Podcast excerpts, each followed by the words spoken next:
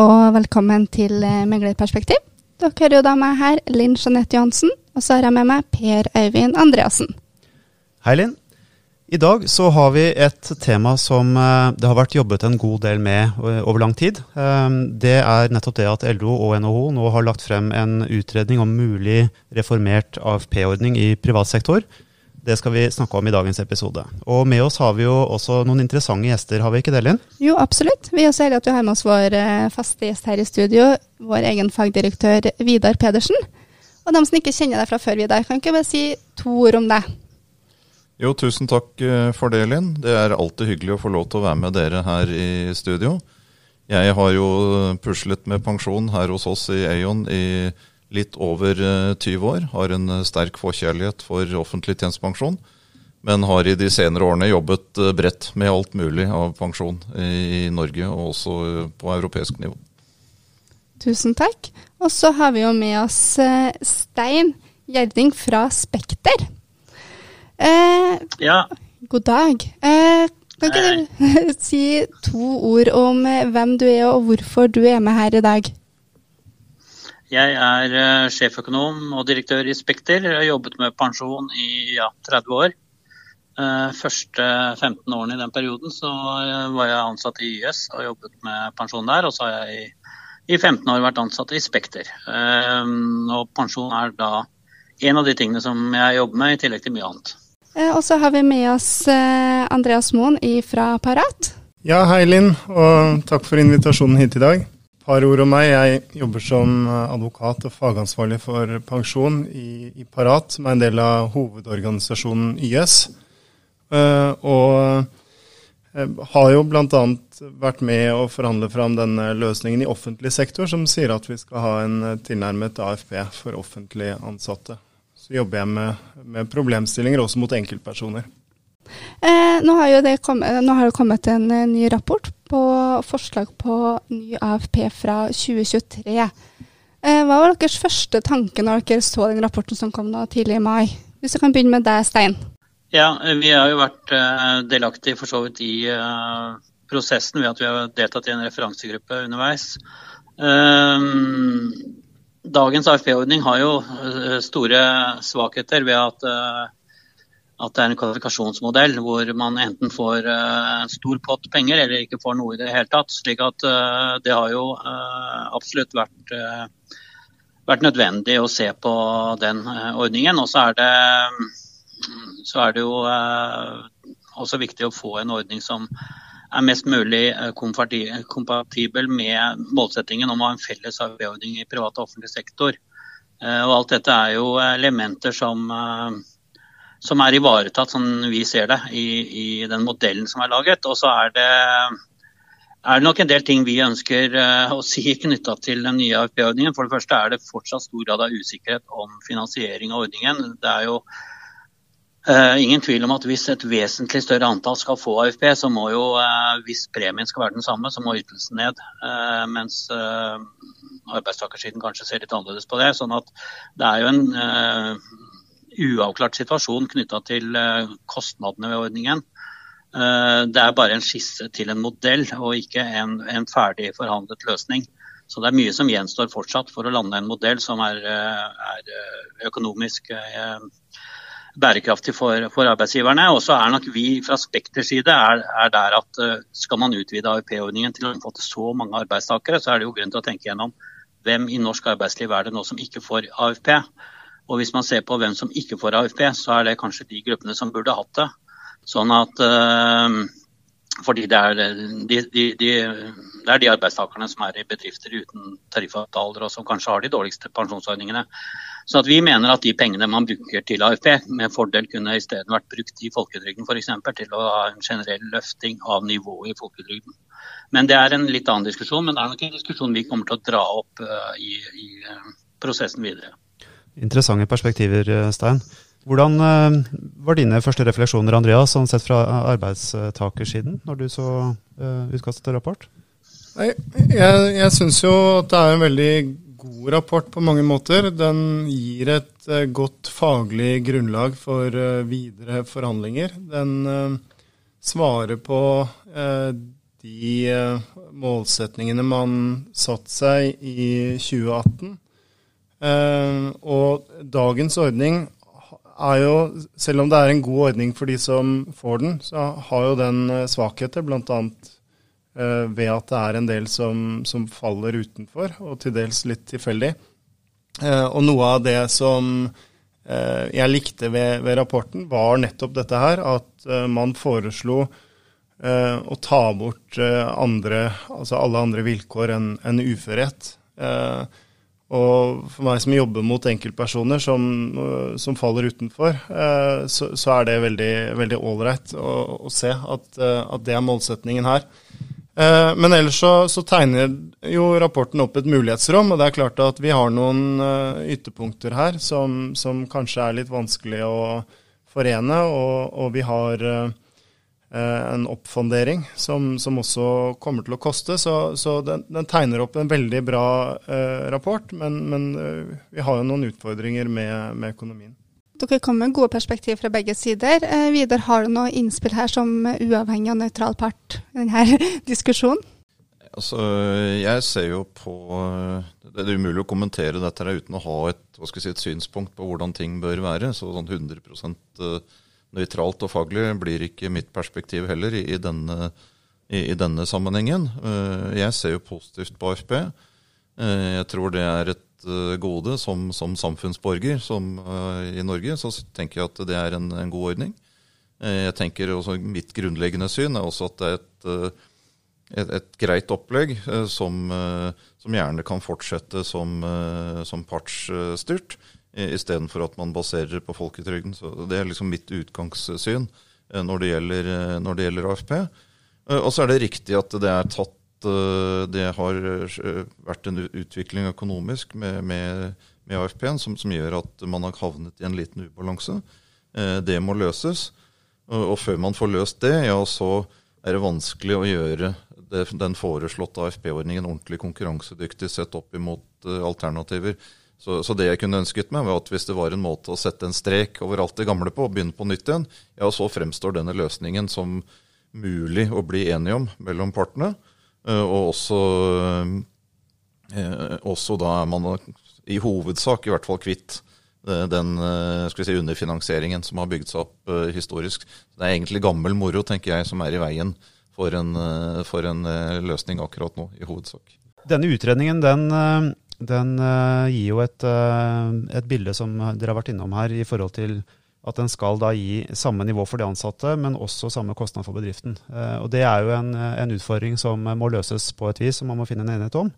Men hvis vi tar, eh, tar først eh, arbeidsgiversiden og med deg, Stein. Også både kostnadsnøytral og ytelsesnøytral løsning. Hvordan skal man i praksis klare å dekke begge disse behovene?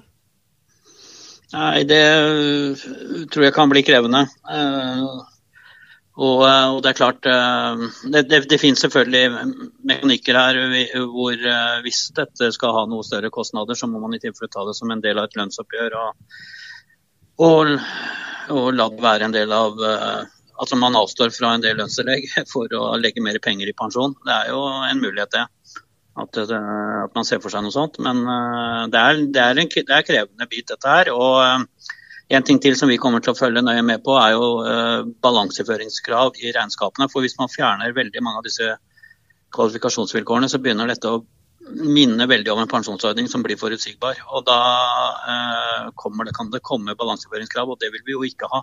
Sånn at eh, Jeg holdt på å si vi må lage noen kvalifikasjonsvilkår for å kunne gå klar av de balanseføringsbitene som arbeidsgiveren er veldig opptatt av. Når du først nå var inne på balanseføring, så er jeg litt spent på å høre om eh, du har noen synspunkt der, Vidar? Jeg er helt enig med det Stein sier, at det er en reell fare med, med den eh, rapporten sånn som den er presentert. Jeg ser ikke at temaet egentlig er diskutert i det hele tatt i rapporten. Eh, jeg kan bare spekulere på hva, hva grunnen er til det. Men jeg ser for meg at man må diskutere det nøye fremover og treffe eventuelt andre tiltak Eh, for å, å, sørge for at Jeg tror ingen er interessert i at det blir balanseføring på dette her. Eh, og, og noen tiltak må treffes for å unngå det. Og, og det, det må være noen si, velbegrunnede faglige tiltak. Det er ikke nok å, å, å legge et høflig press på, på Regnskapsstiftelsen her for å få det til. Det må være noe genuint i ordningen som gjør at man kommer unna, kommer unna balanseføringen. Vil eh, den nye AFP-ordningen være like attraktiv hvis det må balanseføres i regnskapet? Nei, da tror jeg den ikke blir attraktiv i det hele tatt. Det, det, så det er en umulig løsning. Man må, prøve, man må unngå det, rett og slett. I forhold til arbeidstakersiden, Andreas, dette med kostnadsnøytralitet og ytelsesnøytralitet, hva, hva, tenker du om det? Altså, Partene sier vel selv at de ønsker at skal, eh, ordningen skal koste det samme, og at ytelsen skal være de samme. Og, så det, det er en uttalt ønsketenkning. Eh, men eh, det er klart, det er jo noen grep man kan gjøre for, for å komme nærmere. Én eh, ting er jo at det, altså kravet til oppfondering er satt til 2043, og der står det i rapporten at det året er noe vilkårlig valgt. Det er klart at eh, hvis man kan skyve litt på den tiden, og, og man fortsetter å få drahjelp av, uh, av, en avkastning som er litt over den forsiktige linjen, så vil jo det kunne gi noe ekstra. Det er mulig å ha noe inngangsvilkår. Eh, ser man har, eh, har, snakket om å ha noe minsteopptjening. Eh, en ting man ikke foreslår, og det er jo egentlig litt sånn i tråd med det Stein tar opp, at dette her ikke har blitt en ordning for de som eh, trenger den mest. Så, så, og det er jo egentlig bare en høyttenkning, men et mulig tak kunne jo også vært en type begrensning. Uh, så, så, det er nok mulig å, å, å, komme seg litt nærmere hverandre her. Eh, og, det vil, og, det vil, nok eh, koste litt, kanskje, i form av lønn. Eh, men, men, det må jo forhandlinger til for å, for å, lande et eller annet sted. Et spørsmål jeg sitter litt med, det er egentlig til, til dere alle. Eh, hvorfor har dette arbeidet tatt så lang tid? Det tror jeg er flere grunner til. Uh, jeg tror, eh, altså Det er jo teknisk krevende, eh, dette her. da, eh, Og de har jo satt ut en del beregninger til SSB og sånn, som jeg vet har tatt lang tid. Og så har de vel, Det er noe med å styre denne prosessen i forhold til lønnsoppgjørene og få en naturlig å avlevere dette naturlig i forhold til de prosessene som går i forhold til et lønnsoppgjør også, som kanskje har påvirket dette litt. Ja, altså man har jo brukt tiden relativt godt. Og så er det jo noen ting man ikke har eh, gjort. og et, et, eksempel er jo det å, å gå grundigere inn i denne balanseføringsproblematikken. Der hadde jeg egentlig bare ett innspill, og det er det at uh, når man beholder uførhet som kriterium, så er jo det tross alt den viktigste grunnen til at folk ikke får ytelsen. Det er jo Eh, I 2019 så var det vel eh, i alderen fra 62 til 67 så var det nesten 29 eh, som var uføre. og, og 20,3 i alderen 55 til 61, så, så, det ligger et eller annet sted mellom der. Eh, og andelen som faller utenfor på andre vilkår er jo lavere, så, så fortsatt så, så, vil det jo være absolutt en kvalifiseringsordning. Og jeg antar at det er det partene har tenkt, at, at det vil være godt nok. Hvis vi går over på mobilitet, arbeid og sten, du var også inne på det helt i starten, at det var ønsket å få en likhet mellom privat og offentlig sektor her. Eh, hvordan ser dere for dere flytting mellom sektorene i framtiden? Det som er litt krevende her, er jo eh, flyttingen av penger mellom ordningene. Så det, det, har man jo heller ikke boret veldig mye i. Men det er jo en stor sum penger som må flyttes mellom de ulike ordningene. i og med at man ser jo for seg én eh, ordning i privat sektor og en annen ordning i offentlig sektor. Alternativet kunne vært at hele offentlig sektor også ble med i uh, fellesordningen for privat AFP, for å si det sånn. Da ville man? Løst, uh, jeg, tror, jeg tror, organisasjonene i offentlig sektor vil motsette seg det. At de ønsker at de skal beholde sin egen AFP-ordning i offentlig sektor. For arbeidsgiversiden så er det Vi, vi hadde nok levd godt med det. At man etablerte en AFP-ordning for hele norsk arbeidsliv som som levde sitt eget liv på utsiden av tjenestepensjonsordningene. Men jeg tror eh, kanskje det kan bli krevende å få, få gjennomslag for. Sånn at Da må man isteden ha en uh, ordning hvor man flytter penger mellom disse to uh, greiene. og det det, det er, jo en sånn teknikalitet som er løsbar, selvfølgelig, men som, er, som er, krev, kan være krevende. Ja, altså I offentlig sektor så er det veldig klart uttalt målsetning at det skal være mobilitet på, på tvers av sektorer fra et brukerperspektiv så vil jo det være en veldig stor forbedring. Uh, eneste som kanskje vil lide under det, er vel sånne som meg, som driver med pensjonsrådgivning. For da blir det færre feller. Men, men det er klart at det, det, tenker jeg er viktig, å få dette som en del av en helhetlig løsning. Det er det. Altså, den tiden får vise akkurat hvordan dette her uh, faller, faller, ut. Uh, sånn som rapporten beskriver det, så, så, tar man i utgangspunkt i at det er to separate uh, AFP-ordninger som er noenlunde likeverdige. Og så får man AFP fra begge de to kildene, eller egentlig sånn som det blir, blir beskrevet. Men det er nok behov for noen regler knyttet bl.a. til denne ansiennitetsberegningen.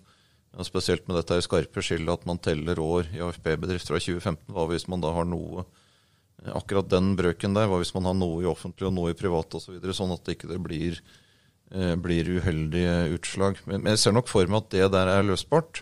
Som Stein er inne på, så er det teknisk krevende. Så det er noen administrative biter her som, som blir eh, mer tullete. Så, så fra et uh, pensjonsrådgiverperspektiv så ser jeg egentlig fra, fram mot situasjonen. fordi at uh, istedenfor at det er enten-eller, så, så, blir det litt utfallsrom med litt ulike beløp og sånt. Og det er minst like fint. Det, ja, eh, men med en ny AFP-ordning, vil det da føre til at eh, flere bedrifter tilslutter seg eller ønsker å ha AFP-ordning i eller tilbud til sine ansatte? Ja, altså, det, det, blir vel eh, litt avhengig av eh, økonomien i ordningen og hvor dyr den blir. Eh, si, nå, nå, nå, har jo partene lagt vekt på at dette blir en mer forutsigbar ordning. og Da er, det mer, enklere å selge det som et ansattgode, for å si det sånn. Som en del av skal vi si, lønns- og arbeidsvilkårspakken som, som bedriften tilbyr. På den annen side så hvis premienivået går opp, så blir jo kostnadene ved å være organisert på arbeidsgiversiden vil jo øke. Sånn at det er jo Blant de tingene vi er litt bekymret for, er at det kan ikke bli for dyrt å være organisert arbeidsgiver i Norge. Nei, uh, altså Den kostnaden tenker jeg kommer til å finne sitt uh, riktige nivå, nivå uh, gjennom forhandlinger på et eller annet plan. Men jeg ser det poenget der. men når det er sagt, så, så, tror jeg helt klart at det å gjøre dette til en i gåseøyne opptjeningsordning, hvor du får uttelling for alle år, det vil, det vil Eh, gjøre at langt flere, eh, særlig av de yngre, kommer inn. Og det vil bli mer attraktivt med eh, tariffavtaler. Så det vil helt klart være et gode. Og et, et poeng til er at når dette skjer, får vi anta, at, at vi får nye, nye reformerte AFP-en med, med opptenningsordning i, i gåseøynene, så Eh, styrkes også ordninger eh, fordi det kommer med flere bedrifter, og vi får flere yngre organiserte. Og det er faktisk et lite sånn paradoks her. Det er at nå skal vi eh, fastsette satser og, og, kostnader basert på den oppslutningen vi har i dag, mens i realiteten så kommer dette antagelig til å bli større oppslutning. Og, og, det mener jeg man må kunne ta høyde for, og det er det kanskje ikke gjort noe særlig i rapporten heller. Eh, men du var så vidt inne på noe, Andreas, at det er kanskje mer attraktivt for de yngre. Men hvor bærekraftig er denne ordninga? Vil den liksom bestå om 30 år, da, når f.eks. jeg går av med pensjon? Eller eh, blir den såpass dyr og såpass tung at den vil bare fordufte lenge før den tid? Ja, Det er jo akkurat det denne reformen skal sikre. At den er der når du skal pensjonere deg, Linn. Eller ikke nødvendigvis bare gå av, men ta ut pensjon, for kanskje du skal kombinere det noen år også. Så absolutt. Vi har jo gjort noen regnestykker på det hos oss. og, det er helt klart at Partenes målsetning her er å øke organisasjonsgraden. Og, og litt av strukturen i den nye AFP-en vil nok bidra til det presset som Andreas skisserer her. Eh, men jeg er likevel redd for at man må Det er veldig viktig da, hvis man skal nå det målet, at, eh, at man lander på et, en, en, modell som er altså i gåseøyne konkurransedyktig. At ikke den prisen på den AFP-en blir ineffektiv i forhold til andre pensjonsløsninger. Så, så for da blir det en indirekte betaling for å være organisert. Og, og det, det, vil være en motkraft som da svekker organisasjonsgraden igjen. Så, så jeg tror liksom the, the devil's in the detail her. Man må finne et riktig prisnivå for den ytelsen som er, er AFP. Og sånn som vi ser på det, så er det ganske sensitivt. Altså det er jo et utfallsrom i, i, i uh, utredningen. 2,5, 3,5, 4,5 osv. Hvis du kryper opp i 4,5, så tenker jeg at ja, da er ordningen for dyr i, i forhold til det du får igjen. Eh, da, kunne, da, kunne du investert de samme pengene og fått mer pensjon igjen andre steder. ikke sant? Så, Så, så, der er det noen mekanikker som, som, man må tenke nøye gjennom. Og, og, og, sammenligne hva AFP gir da for den samme, samme premien som, som det f.eks. man kunne ha fått ved å øke innskudd i en innskuddsordning eh, tilsvarende. ikke sant? Ja, eh, og et, et, viktig poeng der, eh, det er at man ikke må tro at 4,5% sats er det samme som 4,5% innskudd. For dette her er jo rettigheter som er mer verdt enn det pengene er i innskuddspensjon. Blant annet så er, det livsvarig utbetaling. Det er beregnet over en levealder som for uh, snittet av arbeidstakere er uh, uh, Altså Snittet av arbeidstakere lever lenger enn den gjennomsnittlige levealderen. Så det er også viktig at, at, man får med seg at satsen ikke er sammenlignbar med innskuddspensjon. Vi, vi vil jo følge nøye med på kostnadsutviklingen i den ordningen og hva man lander på av løsning her. fordi det er helt riktig at det er en kritisk faktor for, i forhold til kostnads, uh, totalkostnad på, på denne AFP-ordningen.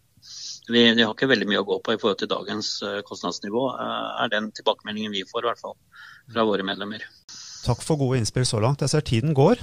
Før vi runder av, er det noen som har noen å, å, å, kommentere før vi runder av denne podkastepisoden? Jeg kan jo si det at for å lande en helhetlig løsning, så har man jo det litt travelt. Bl.a.